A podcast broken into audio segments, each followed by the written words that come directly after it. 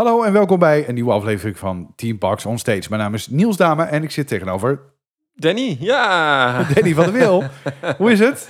Helemaal goed, joh. Ja, we gaan Ja? het hebben over misschien wel mijn guilty pleasure van de pretparkindustrie, Six Flags Holland. Ja, dit wilde jij ook heel graag doen, hè? Ja, Maar, want kijk, ik in de vorige podcast waren we misschien niet al te positief, maar het was wel de start van mijn hobby. Zeker, ja. En voor mij, eh, ja, de eerste kennismaking met een echt achtbaanpark. Ja, achtbaanpark. Ja, zelf benieuwd, hè? De Rollercoaster Capital of Europe. En eh, liep dat eventjes anders. Ja, nou ja, we hebben het eigenlijk eh, in eh, podcast nummer 1 een beetje gehad over de Flevohof. Toen Ja. Walibi Holland, of Walibi Flevo moet ik zeggen natuurlijk. We gaan alweer naar de volgende namelijk, Six Flags Holland. En dat is natuurlijk waar onze miniserie eigenlijk een beetje is geëindigd bij Six Flags en het openingsjaar daarvan. We hebben in de vorige podcast ook een beetje verteld wat we allemaal konden vinden en hoe Six Flags hun parken hebben ingericht in Europa. Ja, welke eh, gebieden we daar konden terugvinden, hoe eh, de tour door het park was en welke attracties eh, waar, waren gepositioneerd. En nou ja, we probeerden ons af te vragen hoe ze dan tot die beslissing waren gekomen, maar daar kwamen we niet helemaal uit. Nee, ja, wat natuurlijk heel belangrijk is om te vertellen is dat Six Flags in het teken stond van goedkoopheid. Het was snel, Simpel, easy money en ehm, uit de catalogus. uit de catalogus inderdaad. Maar ja, was dat wel wat de doelgroep wilde? Want wij zijn natuurlijk als Europeanen wel gewend aan parken. En zeker rond die tijd, en dan praten we toch over de 2000, millennium.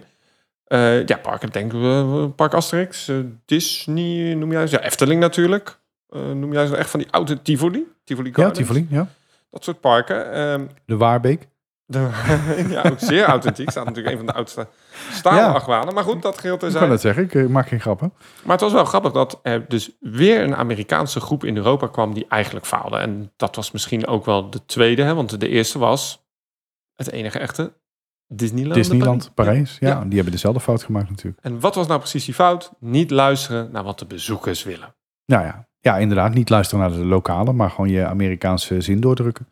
En toch was dat een. eh, kijk, het, Europese avontuur van Six Flags in eh, Europa was een bijzonder avontuur. Het was een avontuur waar iedereen naar keek, zeker vanuit Amerika.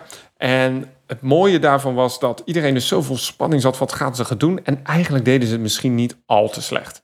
Ik bedoel, we hebben het in de verleden podcast gehad over die enorme bezoekersaantallen die Ja. daalden en daalden. Maar ik denk wel dat, mocht men daar de tijd voor hebben gehad, ze dat misschien wel recht hebben kunnen trekken. En ze hebben het geprobeerd met de Goliath in 2002. Dat is niet helemaal gelukt. Nee, en eh, in Amerika ging het ook niet zo lekker eh, natuurlijk. Nee, sterker nog, dat eh, hele Six Flags raakte op een gegeven moment zelfs failliet. En men heeft heel veel parken moeten afstoten en verkopen.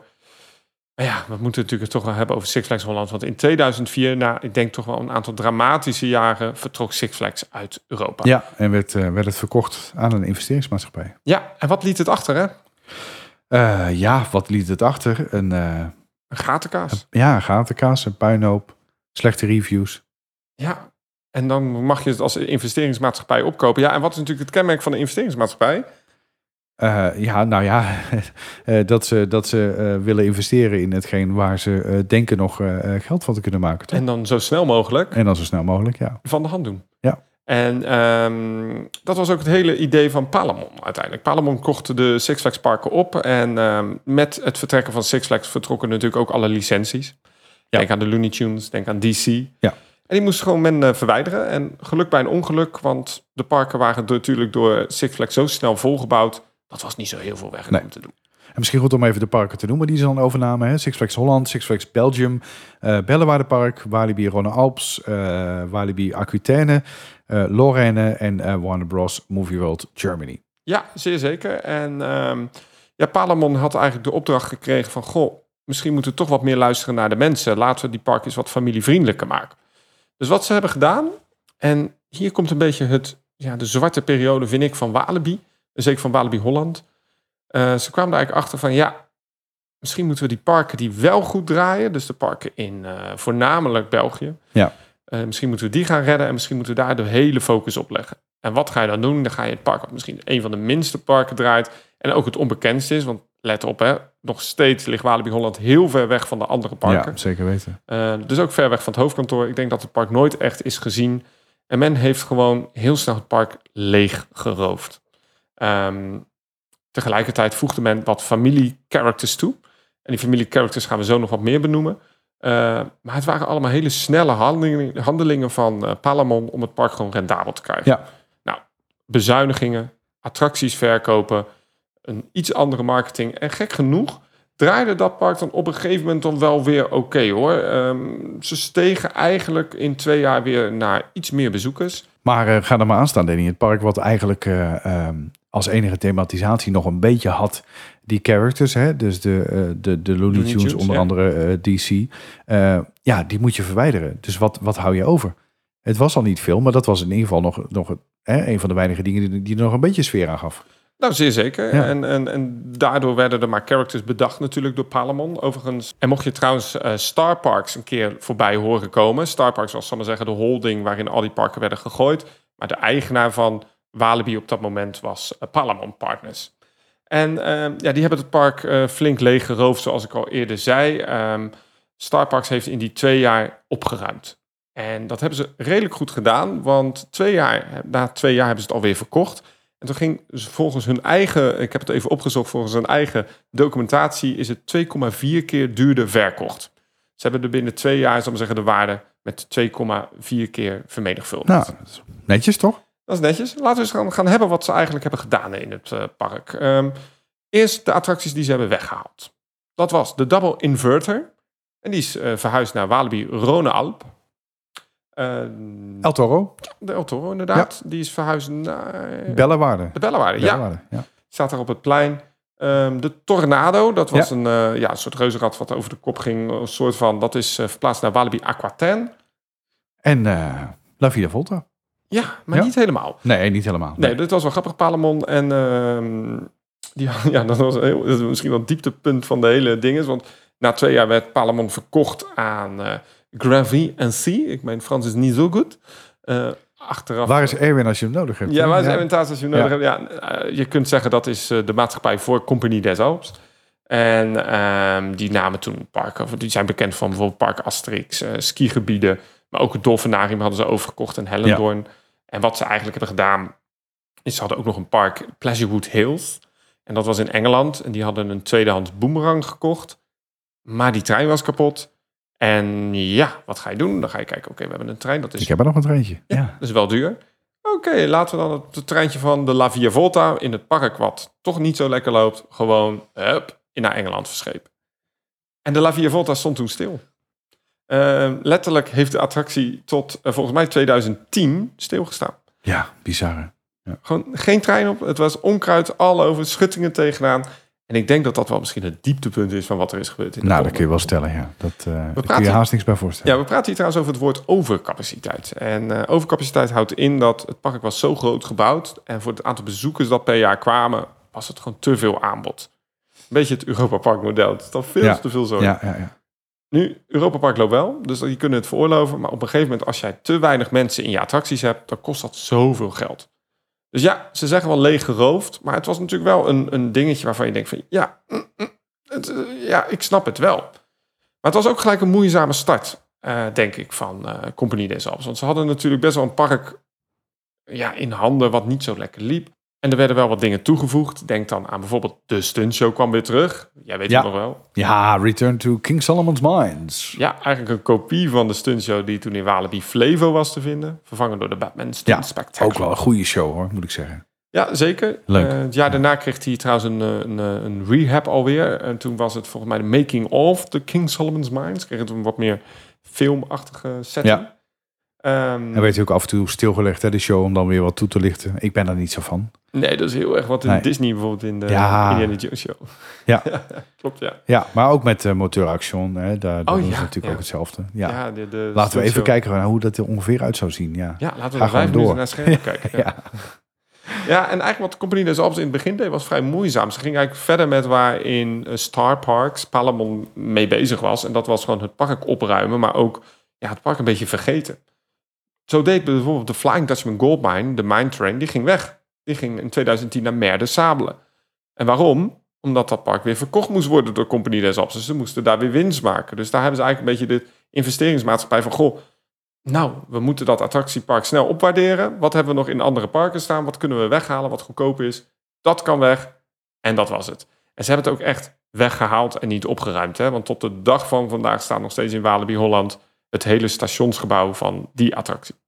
Ehm, maar er gingen nog meer attracties overigens naar Mer de Sable. Bijvoorbeeld Sherwood Revenge. Eh, dat was een attractie die volgens mij ook in Walibi Flevotijd al stond. En eh, ja, dit La Via Volta, die ging pas in 2011 weer open. Dus die heeft maar liefst vier jaar stilgestaan. Tegelijkertijd hadden ze nog een ander probleem en dat was eh, de Express. Want die had grote problemen met de statoren. Dan zie ik jou kijken, Danny, wat zijn statoren? Nee, dat heeft te maken met de lounge, toch? Ja, dat, Ja, nee, dat weet ik wel. Ja, de magneten, ja. Ik zag je even nadenken van, ja, dat was dat. Nee, maar dat weet ik wel. Ja. Een groot probleem, ze hadden er niet genoeg in voorraad, kostte heel veel geld om te vervangen. En ook eh, de Express stond op een gegeven moment gewoon lange tijd stil. Ja. Ehm, belangrijke gebeurtenis, denk ik wel, voor de geschiedenis van het park was dat Jean Reuvers, oud-directeur, wegging en in 200008 ook werd vervangen. Maar ze hebben toch uiteindelijk dat hele systeem vervangen door een nieuw systeem, toch? Nee, het, ja, ze hebben het opnieuw geprogrammeerd. Ja. Maar eh, alle magneten zijn vervangen. Ja. Ja, dus, eh, maar dat kost gewoon heel veel geld. Je moet eigenlijk gewoon de hele lanceerstrook vernieuwen. En op een gegeven moment hebben ze zelfs bij Disney aangeklopt om wat kennis weer terug te krijgen. Ehm, wat ik zei in 2008, belangrijke beslissing, Masha van Til. Daar gaan we in een andere podcast nog wat dieper op in. Ja. Ehm, maar ja, en eigenlijk de hele thematisatie van het park was Walibi en zijn vriendjes. Hè. Ken je die vriendjes nog? Eh, nou ja. Ik- Walibi. Ja, in- inderdaad. eh, Vriendinnetje van. Walibellen. Ja. Ja, Walibellen. ja. Eh Splash de olifant. Nou ja, met aangeboren onhandigheid. Ja, Wok de draak. Ja, Met, met Aziatische wijsheid. Ja. ja. dit halen we even van... En ook een bekende stemacteur, hè? Ja, Wok de Draak werd enige tijd door uh, Scotje gedaan. Inderdaad. Ja. Ja, ja, Ja. Doedoe de Pinguïn, Ja, ja, die heeft het altijd koud. ook een bekende Rudy. Helleweger, ja, inmiddels eh, natuurlijk Ja, bekend iets, als... eh, iets, we mogen het eigenlijk niet helemaal zeggen. Maar nee, nee iets, iets bekender, ja. ja. iets, doet iets met een clown. Ja. Eh, Als je de, googelt, googelt en gij zult vinden. Ja. Rocky de Bever, Mama Lily en Jo de Pelikaan, Jo de Pelikaan, werden allemaal toegevoegd. En eigenlijk wat ze hebben gedaan, en dat was natuurlijk wel heel sneaky, alle Looney Tunes eraf gehaald en deze characters over opgeplakt. Ja. Ja, Ja. Ja, en de rest was natuurlijk Robin Hood was geen merknaam. Eh, Express was de nieuwe naam van Superman the Ride. Maar ik moet zeggen dat, eh, dat dit ook niet uitblinkt eh, in de originaliteit. Hè? Een olifant, een draak, een, een bever en eh, eh, een nijlpaard. Nee, maar het was Ja. natuurlijk wel handig, omdat die bever was natuurlijk Amerikaans. Dat was een Amerikaanse Rocky de Bever. En eh, ik doe heel veel klusjes en ik heb schroeven aan spijkers, zei hij altijd. En dat was natuurlijk het, voor het leuk voor het Amerikaanse gebied van het park. Ja, zeker, zeker, zeker. Eh, ja. Want eigenlijk alle Six Flags dingen werden eruit gehaald. En er werden heel veel dingen weggehaald. En toen kreeg trouwens, ik weet niet of je dat nog weet, maar Walibi World nog een bijnaam in de fancommunity. Het lege pleinenpark. Oh, het lege, plein, het lege pleinenfestijn, ja. Ja. ja. En waarom? Omdat die attracties werden weggehaald, maar er werd verder niks gedaan. Of Nee. er werd een terras gebouwd. En nog steeds zie je gewoon die plekken in het park. En zeker als je wel eens in Six Flags bent geweest, weet je nog... Oh ja, hier stond vroeger de breakdance. Ja, dat is nu een plein. Eh, hier stond vroeger de Sherwood Revenge. Dat is nu een plein. En het park heeft gewoon heel weinig liefde gehad. En ik heb eigenlijk het idee dat door Masha van Til, die in 2008 daar begon, Walibi weer in de hoofden werd gezet van het hoofdkantoor. Ja. En Walibi was altijd ver weg van het hoofdkantoor. Werd, Walibi Holland dan werd altijd vergeten. Vergeten, ja. Liefde ging naar Park Het Asterix. achtergestelde kindje. Ja. Het achtergestelde kindje, absoluut. En oh ja, dat park heeft nog wel een achtbaantrein. Dat is ook letterlijk natuurlijk ergens achtergesteld in de polder. Dus eh, Absoluut. je, zie- je ziet het ook wel snel over het hoofd. Ja. Ja, zeker. En ik denk dat dat ook terugvertaalde in de bezoekersaantallen, want het was gewoon laag. Ja. Ehm, Ja, het fluctueerde een beetje zo rond eh 800.000, toch? Ja, en dat, ja, dat was jammer, omdat de mensen die daar werkten, die zaten daar al vanaf de Six Flags tijd of daarvoor. En die hadden zoveel liefde voor het park. Ja. En die werken daar tot de dag van vandaag soms nog steeds. Ehm, maar die werden zo geremd door het hoofdkantoor met ideeën en dingen. En ze waren zo creatief. Er was bijvoorbeeld een hele leuke show van Wok de Draak. Met een van mijn favoriete Walibi-acteurs, Henk. Ah, Ik hoop dat hij dit ooit nog eens hoort. En die deed daar de, de- bijvoorbeeld de Crazy Horse Saloon Show met Christian Farla. Dus er werd wel qua entertainment best wel wat dingetjes toegevoegd. Zeker, ja. Maar En Henk is ook eh, de Henk die we nog eh, nou ja, regelmatig terugzien in andere parken, volgens mij. Toch? Ja, Sto- Stoverland, ja, Ja. zeker. En ehm, kijk, de grootste nieuwigheid dat eh, in die periode, wat was de Splash Battle. ja, Het was een leuke attractie, want het was een wereldpremeur. Het was de eerste Splash Battle. Ehm door velen opgevolgd. door velen opgevolgd. Mark heeft hem iets succesvoller weten te verkopen. een heel leuk weetje over die Splash Battle. Want waar kon die attractie niet tegen? Tegen water. Ja, ja, ja. ja. Eh, tijdens de opening eh, kwamen ze Dus achter hoe verzin je het? Ja. ja, dat alle waterstralen die op de baan, op de, op de sensor stonden, daardoor ging dat ding aan de tijd in storing. Dat was natuurlijk een vreselijke attractie. Ja. Ja, en eigenlijk in die hele periode was het gewoon een moeizame periode voor Walibi Holland. Het was, Parker kreeg niet de liefde, het was niet zichtbaar en Masha heeft daar echt wel verandering weten te brengen. Gaan we zeker bespreken in de volgende podcast die we over dit park gaan doen. Maar het was wel jammer. hè. En, en, en ja, het was een beetje een... Het, had Futloos. zoveel, het had zoveel meer kunnen zijn. Het had Ja. zoveel meer kunnen zijn. Het was de rollercoaster capital of Europe, maar het werd uiteindelijk een park met ja, stilstaande achtbanen. Ja, En dat is jammer. Ik denk dat- rollercoaster graveyard of Europe was het bijna. Ja. ja, Het is jammer, want je had natuurlijk wel de Goliath. Je had echt wel goede attracties. zeker.